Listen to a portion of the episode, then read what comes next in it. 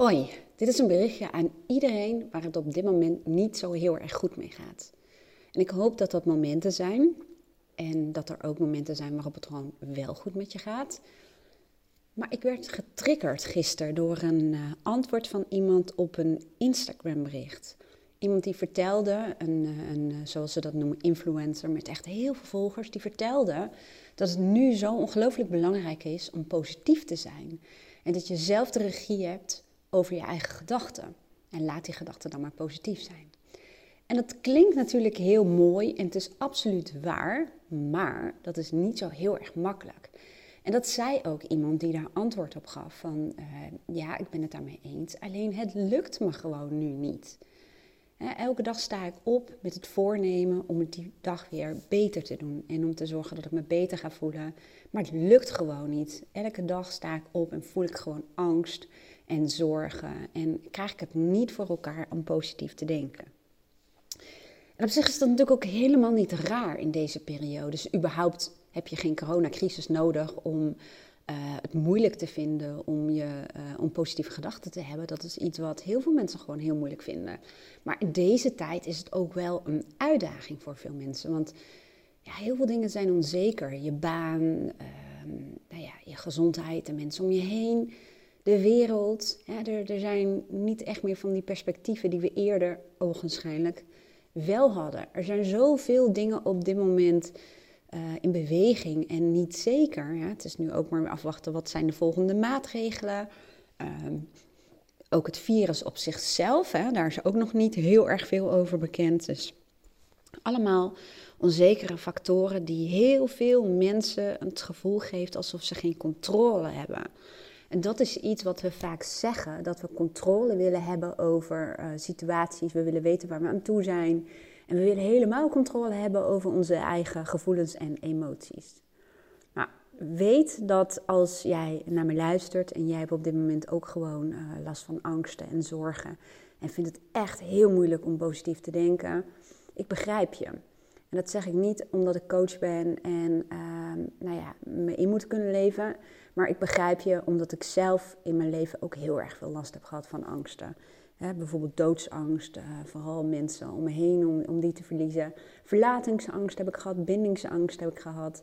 En dat zijn hele heftige angsten. En ik kan me ook herinneren dat ik echt, uh, zeker in relatie tot uh, verlatingsangst, dat ik echt angsten heb gehad die, zo, ja, die me zo in zijn greep hielden, dat het, ja, het werkte gewoon verlammend. Ik kon alleen nog maar op dat moment, en godzijdank niet een hele lange periode, maar bijvoorbeeld zeg een uur, helemaal overmand zijn door die angst. En dan is er ook gewoon niks anders meer. En dan kan iedereen wel zeggen, het komt wel goed en je gaat je zo beter voelen. Maar dat is er op dat moment niet. Misschien een voorbeeld dat um, dan wel even puttend uit mijn praktijk. Een voorbeeld waarin uh, ja, een relatie werd verbroken en ja, een vrouw echt behoorlijk uh, in shock was, maar ook ja, zo'n intense, verschrikkelijke liefdesverdriet had. Zo erg dat het gewoon ja, haar hele lichaam en haar geest overliet, uh, overnam, om het zo te zeggen. En dan is er op dat moment ook niks anders meer. Dus ik weet hoe het voelt vanuit mezelf, maar ik weet ook uh, nou ja, hoe het zich presenteert, om het zo even heel zakelijk te zeggen, bij mijn klanten.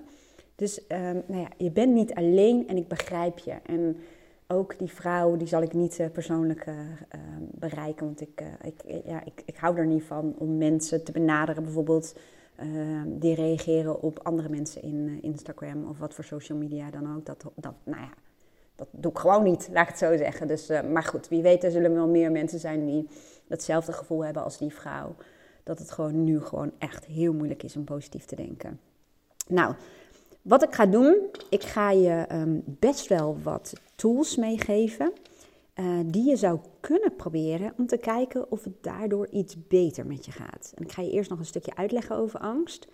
Mijn ja, voorstel is, of mijn, nou ja, dat klinkt ook zo gek, maar mijn advies zou zijn: probeer er gewoon eens een paar en ga eens kijken of je je daardoor al iets beter kunt voelen. Het gaat er niet om dat je daarna in één keer helemaal vol vertrouwen bent en dat soort dingen, want dat is ja, het, dat is niet per se het uh, doel. Misschien wel het hoogste doel, maar dat is niet heel aannemelijk dat dat vloep in één keer gebeurt. Terwijl je op dit moment misschien wel heel erg in je angst zit. Nou, ik ga zo meteen dus wat vertellen. En ik ga je een aantal dingen delen. En even denken hoor. 1, 2, 3, 4, 5, 6, 7, 8, 9, 10, 11. Volgens mij heb ik wel 11 of 12 tools voor je. Nou, allereerst eventjes, um, nou ja, ik weet niet of je mij al een tijdje volgt of uh, dat ik uh, totaal nieuw ben voor jou. Ik ben Wendy Borst en ik heb een uh, coachpraktijk waarin ik mensen één op één begeleid in groepjes, maar ook online. Ik heb een online academy en dat wil zeggen dat, ehm, nou ja, daar kun je je voor aanmelden. En dan heb je een account, krijg je toegang tot allerlei coachmethodes en instrumenten. Maar ook podcasts van mij, waarin ik rechtstreeks mijn members aanspreek, waarin ik dingen met ze deel, waarin ik ze hoop en vertrouwen probeer te geven. Um, dingen uitleg, inzichten meegeef, maar ook dingen voordoe. Want dat is ook fijn als mensen iets voordoen. En ik doe dat ook op mijn slechte momenten, om het zo te zeggen. Als ik even, even verstrikt ben in mijn eigen gedachten of als ik ergens in zit. En dan laat ik jou zien hoe ik dat dan doe. want heel veel mensen vinden dat fijn, omdat het dan ook ja, klinkt misschien een beetje gek, maar ook wel geloofwaardig is. Van oké, je weet ook hoe dat voelt, je weet ook waar je dan tegenaan loopt. Maar eigenlijk kort door de bocht gezegd staan daar allerlei coachinstrumenten in die je voor jezelf kunt gebruiken. Met allerlei helpende voorbeelden en nog exclusieve podcasts en video's die ik alleen maar opneem voor mijn members. Um, nou, even heel kort voordat ik begin. Je kunt nog tot de eerste week van eh, april kun je uh, meedoen voor het instaptarief. Dat is 34,95 uh, per maand. Als jij dus instapt, volgens mij is het voor 6 april, dan mag je dus nog voor die prijs het hele jaar, betaal je dat dan per maand, hè, want het is een maandelijks tarief, maar betaal je een lage bedrag. Je kunt uitstappen wanneer je wilt, dus maandelijks opzegbaar kun je ook gewoon zelf regelen.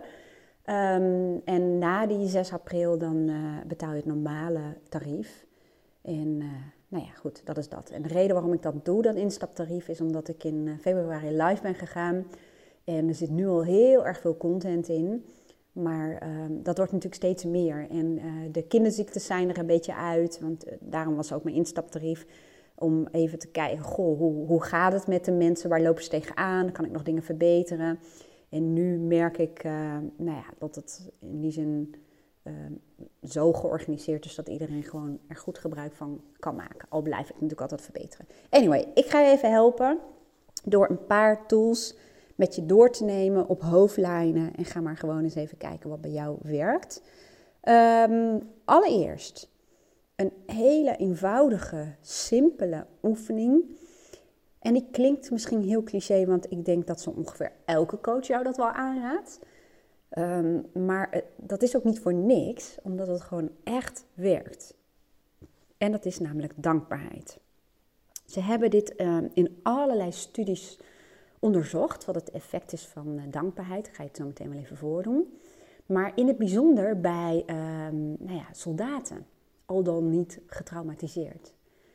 Het zorgt er echt voor, ze hebben uh, in andere studies weer uh, gekeken naar het algehele geluksgevoel, dat mensen die dankbaar zijn, en daar bewust ook even aandacht aan schenken, zich gelukkiger voelen dan mensen die dat niet doen. En als jij op dit moment uh, zorgen ervaart en angst ervaart, dan, uh, nou ja, dan staat je brein als het ware op standje survival en schaarste en tekort en dreiging. En dat is nou ja, best wel heel intensief allemaal. En dat maakt natuurlijk allerlei hormonen in je lichaam aan om een uh, nou ja, stress, ja, hoe moet ik dat nou kort zeggen? Het zorgt voor heel veel stressreacties en vaak ook chronisch met alle gevolgen van ding. Nou is het zo dat je bij wijze van spreken, nou zeg ik het wel even heel kort door de bocht, ook nog een andere stand van je brein hebt. En dat is een stand waarin je gericht bent op rust, herstel en groei. En op dat moment worden ook letterlijk en figuurlijk um, nou, weer groeihormonen aangemaakt, waardoor je herstelt. Um, maar in die stand kun je ook creëren en komen er veel meer oplossingen tot je. Kun je wat meer um, nadenken en uh, kijken naar de lange termijn. Want nou ja, dreiging gaat vaak over de korte termijn, gaat vaak over overleven. En is er weer ruimte um, nou ja, om je wat beter te gaan voelen. En om standje 2 bij wijze van spreken aan te zetten, helpt het heel erg om de vraag aan jezelf te stellen: waar ben je dankbaar voor? En kijk dan echt naar, nou ja, naar alles wat je kunt bedenken, de kleine dingen. Ik doe het nu gewoon eventjes met je voor. Ik doe het trouwens elke ochtend. Ik start hiermee. Ja, ik ben dankbaar uh, sowieso voor de band en de relatie met mijn dochter. En uh, de band met mijn stiefzoon en met mijn vriend, met mijn familie. Ik ben er heel erg dankbaar voor dat ik uh, me heel erg positief voel. Ondanks de coronacrisis en nou ja, ondanks dat ik ondernemer ben, hè, zelfstandige. Um, waarbij nou, heel veel mensen, heel veel ondernemers zijn nu hartstikke uh, zenuwachtig en gestrest. Nou, dat heb ik niet, dus ik ben daar dankbaar voor. Ik ben dankbaar voor het nieuwe huis waarin wij wonen. Dat ik om me heen kijk en bossen zie en ik zie de vogeltjes vliegen. En um, er is ruimte. Het is gewoon voor mij een droom die werkelijkheid is geworden. Ik ben dankbaar voor alle lieve klanten die um, heel graag gewoon online gecoacht willen worden in plaats van bij me langskomen. Want ik weet dat dat heus wel wat betekent om via een scherm gecoacht te worden in vergelijking met één op één. Alhoewel heel veel mensen zijn heel enthousiast hoor. Maar daar ben ik dankbaar voor. Ik ben er dankbaar voor dat, uh, dat we vorige week fantastisch mooi weer hebben gehad. En dat we lekker, nou ja, ik noem dat dan buiten hebben gespeeld. Ik ben er dankbaar voor dat ik me gezond voel. Ik ben er dankbaar voor dat ik hartstikke goed slaap. Nou, misschien helpt het jou om uh, zelf te kijken naar waar ben je dankbaar voor. Hè? Je hebt waarschijnlijk een dak boven je hoofd, uh, mag ik hopen. Um, je bent in staat om dit te luisteren. Ja, kijk even, waar ben je dankbaar voor? Ga gewoon heel eventjes voor zitten.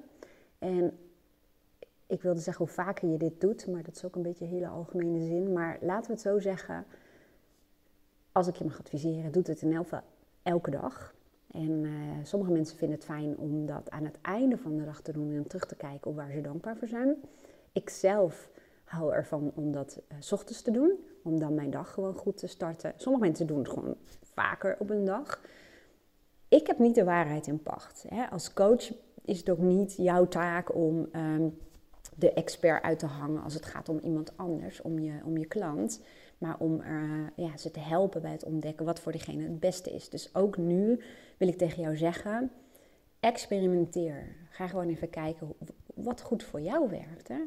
Überhaupt, probeer het zo meteen eens en kijk gewoon eens even wat dat uh, nou ja, met jou doet. Dus dankbaarheid. Dan is er een, een broertje van de dankbaarheidsoefening. En dat is waarderen wat er al is. Deze tool heb ik geleerd in mijn opleiding uh, toen we het gingen hebben over de wet van de aantrekkingskracht. Wat ik toen echt, nou, daar had ik zoveel weerstand op dat ik echt dacht, man, wat is dit voor zweverig gedoe.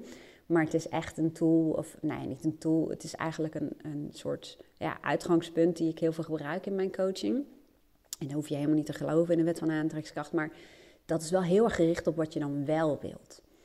Waarderen wat er al goed gaat in je leven is, nou ja, ook zoiets wat je kan helpen om je al wat beter te voelen. Dus kijk eens naar wat je nu al kunt waarderen in je leven. Ik bedoel, als ik dan terugga naar die vrouw die zei van elke dag neem ik het me voor, maar het lukt me gewoon niet. Nou, kijk dan eens wat lukt al wel. Ik hoor in elk geval dat je het wel voor elkaar krijgt om elke dag uit je bed te komen. Dat is ook niet voor iedereen vanzelfsprekend.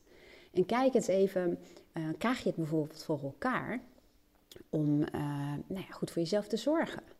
Hè? Of uh, lukt het je om wat regelmaat in je dagen in te brengen? Vermaak je je?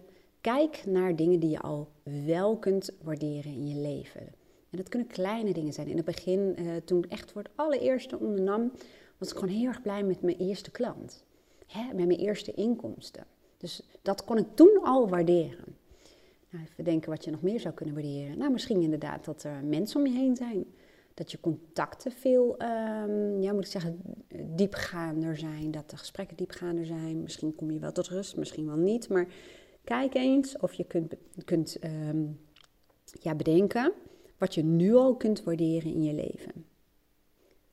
Nou, de volgende.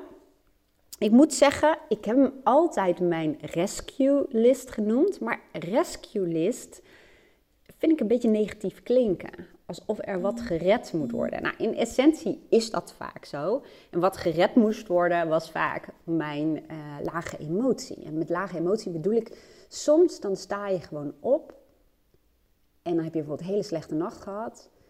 En dan ga je jezelf ook allerlei dingen wijsmaken. Hè? Dat je daardoor dit niet kunt, dat je niet scherp bent. Het is niet, namelijk helemaal niet altijd de waarheid. Ehm, en je merkt gewoon dat alles wat moeilijker gaat. Op dat moment heb ik mijn uh, nou ja, rescue list, die ik nu heb omgedoopt naar happy list. En daar staan allerlei dingen op die ik doe, waardoor ik me beter voel. En dat is een lijst die altijd in bewerking is. Er komen continu dingen bij. Ehm, en ik moet zeggen dat ik er vooral dingen bij schrijf op het moment dat ik uh, me heel erg goed voel. En dat ik dan ga kijken, wat doe ik nu? Of wat heb ik gedaan waardoor ik mij zo goed voel? Ik kan je een paar uh, dingen vertellen die op mijn happy list staan.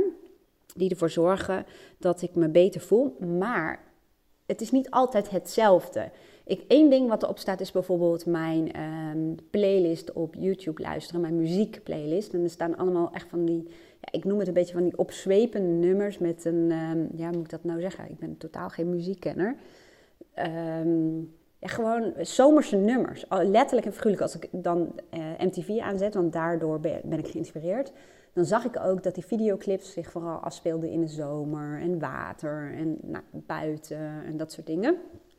En die muziek, die, uh, als ik dat aanzet en uh, soms ook nog lekker achterlijk ga dansen, dan um, voel ik me meteen beter. Het is net alsof het me letterlijk en figuurlijk mijn energie en mijn emotie oppompt.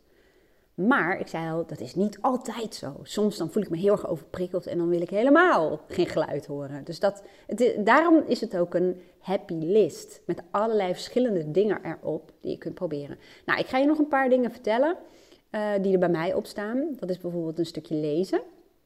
Dat is uh, mediteren. Alhoewel mediteren vind ik nog steeds een moeilijk woord bij mij. Want ik ga gewoon naar buiten kijken. Um, ja, en, en, echt mijn ogen sluiten en dat soort dingen. En let op je ademhaling. En dat, ja, ik doe het dan net weer een beetje op mijn eigen manier. Maar laat ik het mediteren noemen, want heel veel mensen hebben er wel baat bij. De zintuigenoefening, dat is dat je even met je ogen echt naar buiten kijkt. Vooral naar groen, dat helpt. Uh, en als je geen groen in je omgeving hebt, dan uh, nou, zoek even een beeld op. Uh, want je hersenen zien het onderscheid niet tussen echt en niet echt. Maar ga dan kijken naar details. Dus je moet echt heel erg je best doen om goed te kijken. Dus ga kijken naar details en dat soort dingen. En vervolgens gebruik je je zintuig oren. Ga even stil zijn en dan ga je letterlijk luisteren naar wat hoor je allemaal.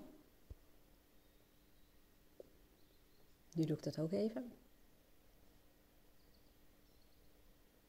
Ik hoor gewoon ook heel veel vogeltjes en een soort zoom. Van de koelkast, denk ik. Door dit te doen, kom je letterlijk en figuurlijk in het hier en nu. Dan voel je weer even dat jij onderdeel uitmaakt van de natuur en de wereld. En letterlijk, uh, ja, je komt even uit je hoofd. Omdat je je echt moet concentreren. Wat hoor je, wat zie je en wat ruik je en wat proef je en wat voel je met je huid. Ik ga er nu niet al helemaal op in. Ja, doordat je dat geconcentreerd doet, is er weinig ruimte om nog even bezig te zijn in het verleden of de toekomst. Je haalt jezelf van de automatische piloot. Want die automatische piloot, zeg maar het onbewuste deel van je brein, um, daar zit eigenlijk een soort van jouw programmering in. Daar zitten die 60 tot 70.000 gedachten in die je per dag onbewust produceert. En als je je niet goed voelt, zijn dat vooral negatieve gedachten en overtuigingen. En gaat dat als een loopje door je hoofd heen. En om dat stop te zetten, helpt deze zintuigenoefening enorm. Nou, dat brengt mij op een volgende. En dat is, um, bij mij helpt het altijd fantastisch om iets met mijn handen te gaan doen. Dus om bijvoorbeeld uh, naar buiten te gaan en even de plantjes te doen. Uh, nou ja, ook wandelen, dat is natuurlijk met je voeten, niet met je handen. Tenminste, ik zie mezelf dat niet doen. Um, opruimen. Ik, ik vind opruimen echt heel erg leuk. Dus uh, nou ja, je kunt nu denken, hm, wat voor type is dit? Maar ik vind opruimen zo leuk. Ik vind het zo heerlijk. En vaak als je echt gaat opruimen, en mijn advies is pak gewoon één ding en dan pas de volgende, um, dan ruim je feitelijk ook je hoofd op. Dus pak gewoon één klein projectje, al is het een keukenkastje of wat dan ook, en ga opruimen. Dat geeft ook een soort van helderheid in je hoofd. En soms zet ik muziek op en soms juist helemaal niet. Maar goed, dat werkt bij mij. Hè? Het is mijn happy list. Um, spelen ik, ehm, vorige week heb ik met mijn dochter en mijn schoonzoon en mijn stiefzoon um, hier buiten hebben we gewoon gespeeld. Hebben we gewoon een emmer aan een regenpijp geplakt en dan deden we alsof dat een basketbalnet was. En het, alleen het maken al was gewoon hilarisch. Ehm, we hebben met een uh, golfclub hebben we balletjes afgeslagen en die gingen we zoeken. En kijken wie het eerst zoveel mogelijk ballen had gevonden. we hebben geslachtbald. Ik um, ben op mijn bek gegaan, maar goed, dat terzijde. was ook erg grappig achteraf. En ehm, nou ja, we hebben gewoon gespeeld. We hebben buiten gespeeld, zoals je dat vroeger als kind ook deed. En zoals je nu ook ziet, kindjes, die, ja, die gaan gewoon door die doen wat ze doen. Die, uh, die, die spelen, die blijven gewoon spelen. Dus dat, nou, ik kan wel heel lang doorgaan uh, met mijn happy list, maar ik denk dat je wel een beetje beeld hebt. Het gaat erom dat je de dingen op gaat zetten die jou een fijn en goed gevoel geven. En die ervoor zorgen dat je al wat beter gaat voelen. Nou, ik heb een paar voorbeelden genoemd. En dat kun je ongetwijfeld voor jezelf ook. En weet, het gaat alleen maar om je iets beter voelen. En dan komt, komt het wel in beweging. Het balletje moet gewoon gaan rollen. Nou, Volgende is een, uh, nou ja, een heel simpel zinnetje.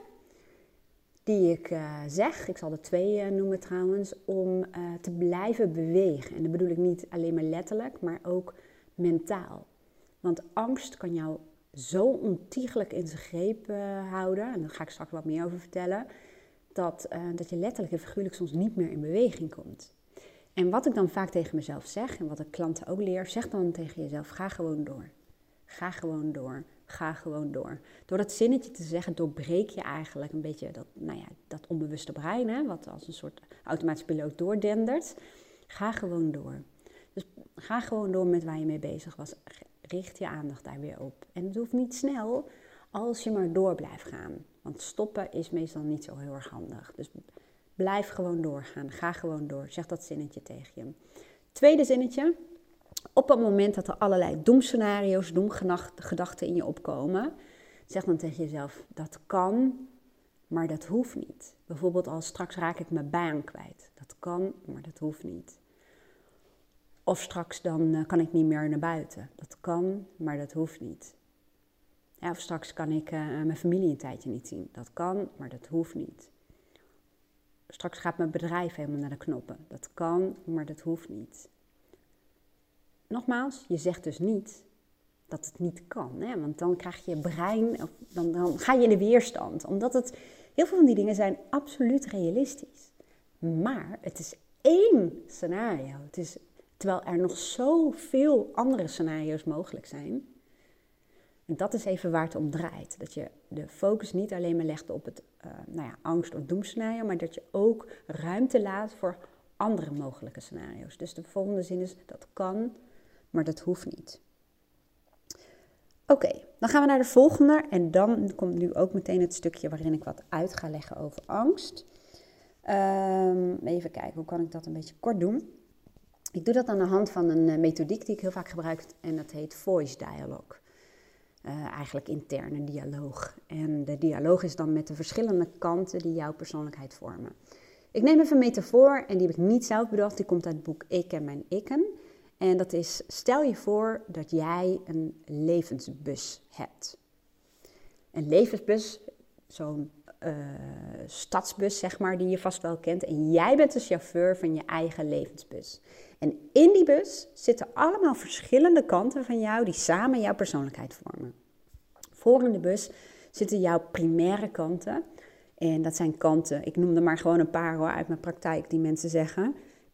Bijvoorbeeld een verantwoordelijke kant, een pessimistische kant, een pleaser, een angstige kant, een, um, had ik al gezegd, perfectionistische, een pusher, een um, verzorger, nou, dat soort kanten.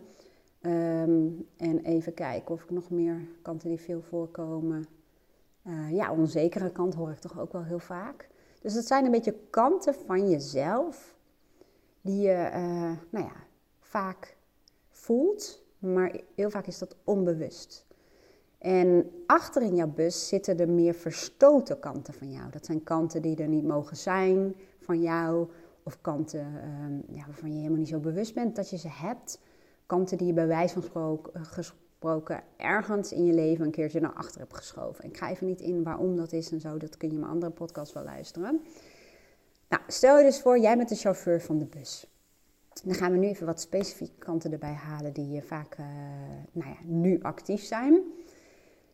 Jij zit aan het stuur, alleen op het moment dat je, uh, nou ja, zoals die vrouw zei, van het lukt me gewoon niet om positief te denken. Het lukt me gewoon, ik ben gewoon zo angstig. En elke keer voel ik gewoon die angst. En dan, ja, dan heeft me dat zo erg in de greep dat ik ook niks anders meer kan. Nou, dat is het moment waarop een kant van jou aan het stuur gaat zitten. Kun je je voorstellen dat angst, die neemt jouw stuur over, die gaat bij wijze van spreken op jouw schoot zitten. Jij gaat naar achter, handen los van het stuur. Op dat moment heeft angst bij wijze van spreken de regie. Dus je kunt op dat moment, zie het maar voor je, die zit voor jou.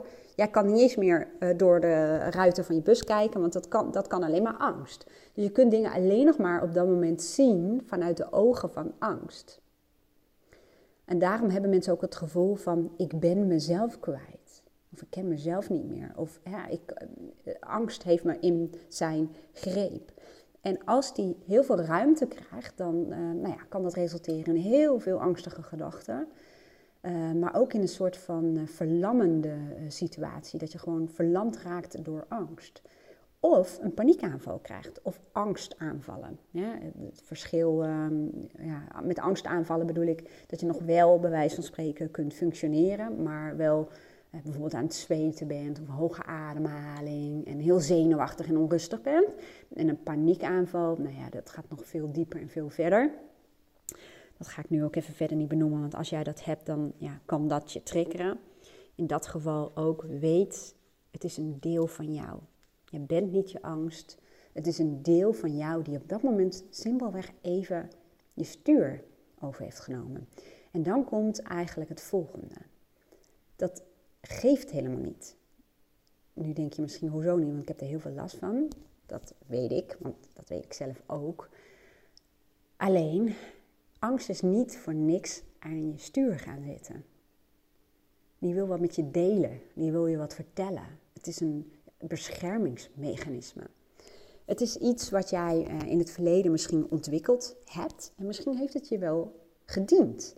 Waardoor nu op dit moment angst jou gewoon wil helpen. Net als al die andere kanten van jou.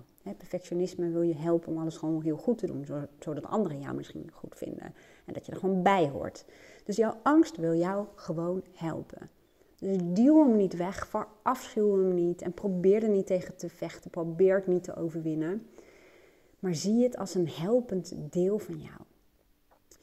En je hebt er last van. En dat geeft alleen maar aan dat angst op dat moment de ruimte heeft gekregen om jouw stuur over te nemen. En nogmaals, dat doet hij niet voor niks. Dus de eerste stap is, erken gewoon dat het een deel van jou is dat er gewoon mag zijn. Haal maar even gewoon adem. En dit is het stukje waarop je zelf een beetje moet gaan experimenteren, wat bij jou werkt. Bij mij um, werken verschillende dingen. Door te zeggen angst, ik voel je. Ben bewust van mijn angst. Of oh, ik voel op dit moment dat mijn angst even aan mijn stuur is gaan zitten.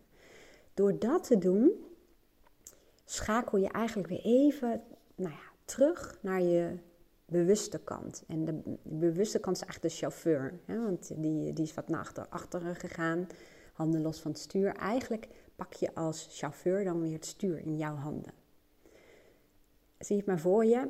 En dan zit misschien angst nog steeds op schoot. Maar dan zeg je, oké, het is een deel van mij. Maar ja, jij bent de chauffeur. Dus even de losmaking van je angst. Door alleen maar jezelf dingen te zeggen. Ik voel mijn angst. Oh, ik merk dat angst even mijn stuur overneemt. Dus dat kan al iets veroorzaken. Als het niet zo is, maak je geen zorgen. Want nogmaals, angst kan een hele sterke, overheersende kant zijn. zeker als die aan je stuur is komen te zitten. Nou, varieer. Probeer gewoon even door, uh, ja, het is even experimenteren wat bij jou werkt. Van angst, je mag er zijn, ik ga naar je luisteren. Of uh, spreek het aan zoals je een kind zou aanspreken dat helemaal in paniek is. Dat je echt zegt, angst, ik hoor je, maar um, ik heb even rust nodig om goed naar je te kunnen luisteren. Ik ga even ademhalen, ik ga even zitten. En dan wil ik graag horen wat je te zeggen hebt. Het is, nogmaals, ik kan niet zeggen wat voor jou het beste werkt. Maar het is even proberen om uh, nou ja, wel je angst te erkennen. Net als dat een kind heel erg uh, aan je broek uh, loopt te trekken omdat hij mama, mama, mama, mama, omdat hij wat wil zeggen. En um, ik zie als moeder zeggen, ik hoor je, ik ga zo meteen naar je luisteren. Zoiets is het. En soms gaat hij gewoon door. Hè? Een kind blijft dan meestal doorgaan, maar ga dan even gewoon door en ga er dan naar luisteren. En hoe vaker je dat doet, ook als moeder, je zegt, ik ga zo meteen naar je luisteren. En als je dat ook echt doet, dan krijgt dat kind vertrouwen dat jij daarna naar het kind gaat luisteren. Dat hij ook aan de beurt komt. En zo is dat ook met je innerlijke kanten.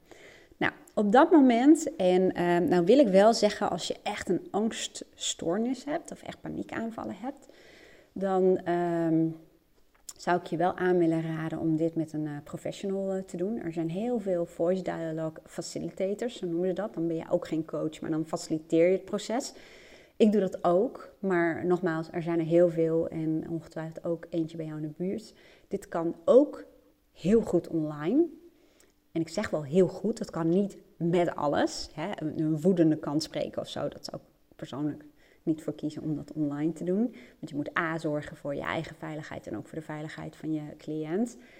Um, maar als je echt een angststoornis hebt, dan um, ja, zou ik je aanraden om dat uh, te laten begeleiden. En zoek dan even op Voice Dialogue Facilitator Voice Dialogue uh, therapeut of coach of whatever. Of klopt bij mij aan, kan natuurlijk ook.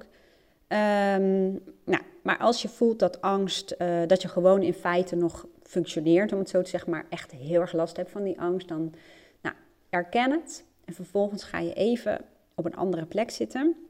Ik ga ook niet helemaal uitleggen nu waarom dat is, want dan, dan wordt het veel te lang. Maar ga gewoon even op een andere plek zitten. En luister dan gewoon naar je angst. Van angst, wat wil je mij vertellen? Het helpt om het op te nemen. Ik gebruik vaak mijn uh, telefoon. En bij mensen waarmee ik het doe, schrijf ik vaak mee. Of ze nemen de sessie op. Dus um, door hardop te praten, word je je bewust van uh, wat je angst jou te vertellen heeft. Het werkt niet zo heel erg goed als je dat gewoon in je hoofd gaat doen.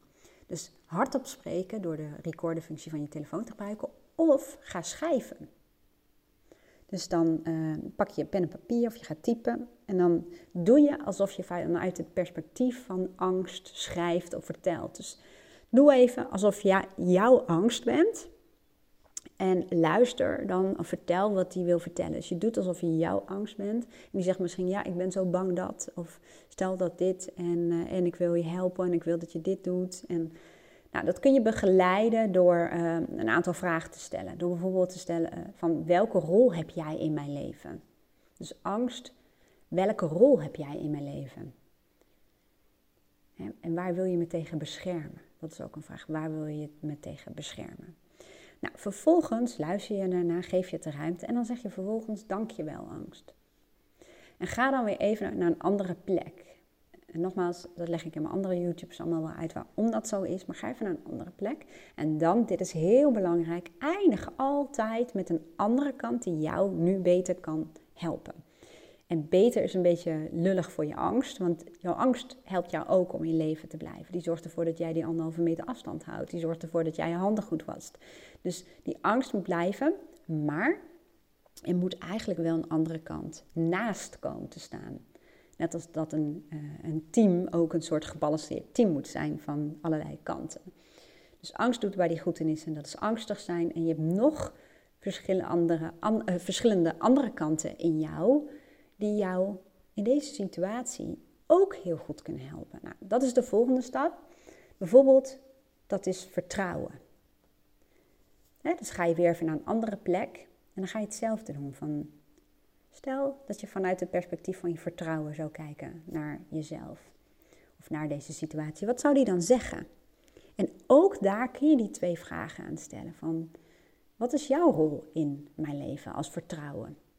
Of welke functie heb je? waar wil je me tegen beschermen? En dan ook vragen aan je vertrouwen. Wat zou jij nu doen als jij het voor het zeggen zou hebben? Of wat als jij wat meer de ruimte zou krijgen in mijn leven? Wat zou er dan anders worden? Wat zou je mij dan aanraden? Wat zou je mij adviseren? Dus wat zou jij doen als jij het voor het zeggen zou hebben? Wat zou je me aanraden? Wat zou je me adviseren? Wat als jij wat meer de ruimte zou krijgen in mijn leven? Nou, en vertrouwen. Je hebt ook bijvoorbeeld een optimistische kant, ehm, helderheid. Dus ga zelf maar eens even kijken welke kanten jij ook in jou hebt. Ook al voel je ze nu niet zo heel erg, ze zijn er wel. Dus maak daar gebruik van door daar letterlijk en figuurlijk naar te gaan luisteren. Nou, dat is een methodiek.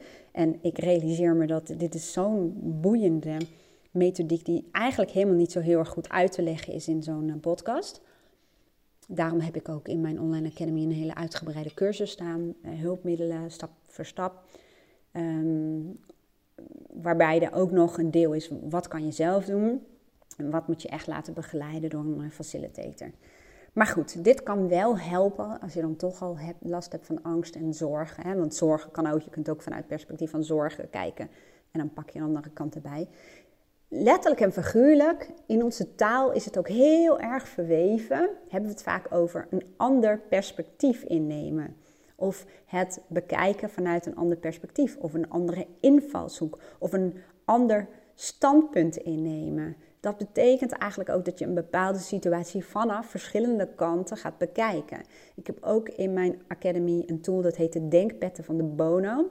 Dan ga je aan de hand van uh, verschillende perspectieven, hè, van uh, nou ja, alle positieve aspecten, alle negatieve aspecten, um, ga je kijken naar een bepaalde situatie. Het helpt enorm om te wisselen van perspectief. Want als je vastzit in een bepaalde gedachte en bepaalde gevoelens, dan bekijk je het over het algemeen maar vanuit één perspectief. En dat is vaak een perspectief wat je kent, wat gewoon een soort van strategie is geworden. Alleen de vraag is, is het een goede strategie? Als het niet de gewenste uitkomst heeft, dan is het gewoon zaak om te experimenteren met andere perspectieven innemen. En deze methodiek, eh, dus voice dialogue, is een van de dingen die je kunt doen om continu een ander perspectief in te nemen. Dat is eigenlijk wat het is. Nogmaals, je kunt ook in mijn academy kijken bij ehm, de denkpetten van de Bono. Uh, en de course heet Bekijk het eens vanuit een ander perspectief. Dus daar staan meer hulpmiddelen in, los van deze methodiek, hè, want die moet je liggen of niet. Uh, om jouw situatie of jouw vraagstuk of jouw angst of whatever vanuit verschillende perspectieven te bekijken. Door dat alleen al te doen, um, ja, wordt het wat losser, wat, wat luchtiger en merk je dat het niet meer zo in je greep heeft, om het zo te zeggen. Nou, dat was die. Dan een volgende. Die ga ik heel kort vertellen, omdat dat simpelweg niet mijn expertise is. Um, ik heb bijvoorbeeld een vriendin die is ademcoach, uh, daar het dus wel een expertise van. En dat is ademhalen. Want um, ja, je ademhaling bepaalt ook heel erg hoe je je voelt. Heel veel mensen die in angst en zorg zitten, die hebben een hele hoge, snelle ademhaling. Dus nogmaals, ik ga hier niet heel veel uitleg over geven, want dat doe ik niet over dingen waar ik uh, weinig expertise over heb. Ik doe het wel zelf, gewoon rustig door mijn neus, uitademen door mijn mond. Nou hoorde ik laatst iemand vertellen dat het ook handig is om alleen maar door je neus in en uit te ademen. Maar zoek even op ademhalingsoefeningen of ademcoach en wat dan ook. En ga eens kijken of dat wat voor je doet. Oké, ik ga even kijken hoor. Hoe lang ben ik al bezig? Man, ik kan de hele dag wel lullen over dit soort dingen. Um, nou, de wondervraag. En misschien heb je hem inmiddels al lang uitgezet, hè? De wondervraag is ook echt een uh, briljante, vind ik. Die komt uit de oplossingsgerichte coaching. En ook die vind je weer in mijn online academy. De wondervraag um, is ook een uh, tool die je helpt om je brein in dat tweede standje neer te zetten. En dat is richting oplossingen. Er zijn verschillende varianten op, maar ik ga er nu gewoon even eentje met je delen. Stel, je gaat vanavond naar bed en vannacht gebeurt er een wonder. Merk je verder niks van. Je kunt heerlijk slapen. Maar morgen word je wakker en je doet je ogen open. En in één keer voel je aan alles dat je problemen zijn opgelost. Dat wil zeggen, de wereld is nog hetzelfde, de coronacrisis is gewoon nog een feit. Maar jij, jij voelt je anders. Dus als dat wonder heeft plaatsgevonden, wat doe jij dan anders? Probeer het voor je te zien. En heel veel mensen zeggen dan, dan heb ik geen angst meer. Nou lijkt me die persoonlijk niet zo heel erg realistisch. Maar in deze tool gaat het er ook om dat je de woorden niet en geen vermijdt. Want de woorden niet en geen worden overgeslagen door je hersenen. Die kunnen daar niets mee. Dus wat je dan moet doen is naar de welvorm. Dus als jij dan geen angst meer hebt, nogmaals, ik denk dat dat niet zo realistisch is. Ehm, wat is er dan wel? En een antwoord zou kunnen zijn van, nou, voordat het wonder plaatsvond, als ik dan mijn angst een cijfer had moeten geven op een schaal van 0 tot 10, dan was het wel een 8. En als het wonder heeft plaatsgevonden, merk ik dat ik dingen doe waardoor het angstcijfer terug is gegaan naar een 6. En dan, wat heb je daar dan voor gedaan? Wat doe je dan anders nadat het wonder heeft plaatsgevonden, waardoor dat angstcijfer teruggaat naar een 6 of misschien nog wel lager? Nou, en dan zeg je misschien wel dingen zoals, dan ehm, kijk ik nog maar één keer per dag naar het nieuws. want nieuws voedt je angst. Nieuws, net als marketing, over het algemeen is ook gericht op uh, tekort, angst en schaarste. Dus dat voedt dat ook heel erg. Dat is ook gewoon een marketingtechniek.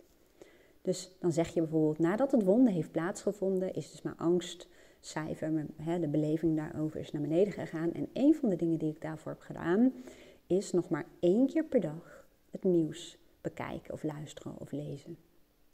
En in plaats daarvan ben ik ehm, lekker op gaan ruimen.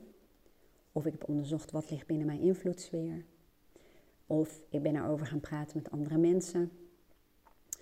Of ik ben gaan bestuderen wat vertrouwen eigenlijk betekent. Want heel veel mensen gaan zoeken op internet op angst.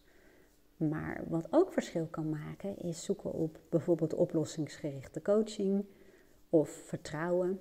Of je zoekt naar mensen die in jouw ogen ehm, best wel positief zijn. En je gaat gewoon eens bestuderen. Wat doen zij eigenlijk? Wat zijn hun gedachten? Hoe praten zij? Dus je gaat je verdiepen in vertrouwen en in positiviteit. Dat kan namelijk ervoor zorgen dat dat bij jou ook meer aangewakkerd wordt. Dus dat zijn antwoorden die je zou kunnen geven. En er zijn nog veel meer antwoorden mogelijk, maar dat is natuurlijk helemaal aan jou. Dus de wondervraag. Um, en volgens mij kun je die bij mijn, op mijn website ook gewoon downloaden. wendyborst.nl slash wondervraag. Dus ik ga, um, ik weet niet of me dat nog vandaag lukt, maar ik zal even kijken of die daarop staat, want dan kun je die gewoon gratis downloaden. Um, ik merk, de podcast wordt heel erg lang. Uh, misschien ben je ook al afgehaakt en misschien niet. Misschien luister je nog steeds om te kijken of er iets uh, bij zit wat jij zou kunnen doen. Um, even kijken wat de wijsheid is. Ik denk dat ik dit ga doen. Ik noem ze nog even op. En dan ga ik de podcast in tweeën splitsen. Want uh, we zijn nu al een tijdje bezig. En uh, ja, ik wil je ook niet, uh, hoe zeg je dat? dat je zo meteen verzadigd bent. Ik merk dat nu bij mezelf wel een beetje. Dus ik neem ze nog even door en ik ga gewoon van de week een tweede podcast opnemen. Uh, ja, en dan zet ik ze bij elkaar. Dus dan kun je gewoon verder gaan. Want de volgende is namelijk rationeel-emotieve training. Dat is een uh, tool waarbij je gaat onderzoeken wat je, nou ja, wat je overtuigingen zijn en wat je gedachten zijn over een bepaalde situatie. Want je, niet de situatie zorgt voor bepaalde emoties en gevoelens. En niet het coronavirus zorgt voor bepaalde uh, ja, gevoelens en uh, emoties, maar jouw gedachten erover. De bril waarmee je kijkt naar de situatie en de beliefs, de, de overtuigingen die je daarover hebt. Dan heb ik nog um, een, uh, een aantal dingen uit de wet van de aantrekkingskracht. Even kijken. Ja, ja, dat, uh, dat ga ik doen. Ja, want ik merk, ik merk aan mezelf dat ik verzadigd raak. Dus laat staan dat jij, uh, die zit te luisteren, die jij moet inmiddels ook misschien wel een hoofd hebben die aan het tollen is. Dus dat kan niet de bedoeling zijn. Ik heb gewoon een, een aantal methodieken met je doorgenomen op hoofdlijnen. Anders was ik over twee uur natuurlijk nog aan praten. Um, kijk gewoon of er iets bij zit waar je nu al wat mee kan, wat je gewoon aanspreekt. En ga gewoon eens kijken of het je helpt. Het is een beetje experimenteren. En misschien kun je wel uh, verdere verdieping zoeken op die tool. Je bent ook van harte welkom in mijn online uh, academy. Daar vind je sowieso alle tools. Uh, dus dan kun je gewoon rustig op je gemak ermee aan de slag. Plus, daar deel ik ook ehm, ja, podcast en um, ja, audioberichtjes om je gewoon wat hoop en vertrouwen mee te geven. Want dat helpt over het algemeen ook gewoon. Nou, ik hoop dat er een, eh, een, of meerdere dingen tussen zaten waarvan je dacht, ja, dat kan ik wel eens een keertje gaan proberen. En uh, nou, wat ik je nog mee wil geven, wees ook niet zo streng voor jezelf. Want die vrouw die zei uh, toch van dat het elke dag niet lukte. En nog wat andere dingen. En in mijn ogen leek het ook wel of ze daar een oordeel over had. En daarvan wil ik zeggen, um, ja, wees lief voor jezelf. Ik bedoel, dat het niet lukt, is helemaal niet zo raar. Want um, waarschijnlijk is er gewoon op dit moment een, ja, een, een beschermingsmechanisme, een kant van jou heel actief, die dat in deze situaties gewoon vaker is. En dat is niet zo makkelijk om je daarvan los te maken. Dus vergeef jezelf en kijk naar de kleine stapjes wat al wel lukt. Dus wees alsjeblieft gewoon wat liever voor jezelf. En vergelijk je ook niet met mensen die eh, super positief in het leven staan. Die zijn er gewoon. Hè? Die, die zijn er gewoon en dat is super fijn. Maar er zijn nu ook op dit moment heel veel mensen zoals jij, die gewoon heel veel zorgen hebben en angsten hebben. En ja, kijk naar de stapjes waarin het al wel lukt. En uh, ja, en houd goede moed, zou ik zeggen. Dankjewel voor het luisteren en uh, graag tot de volgende keer. Doei doei! Mm.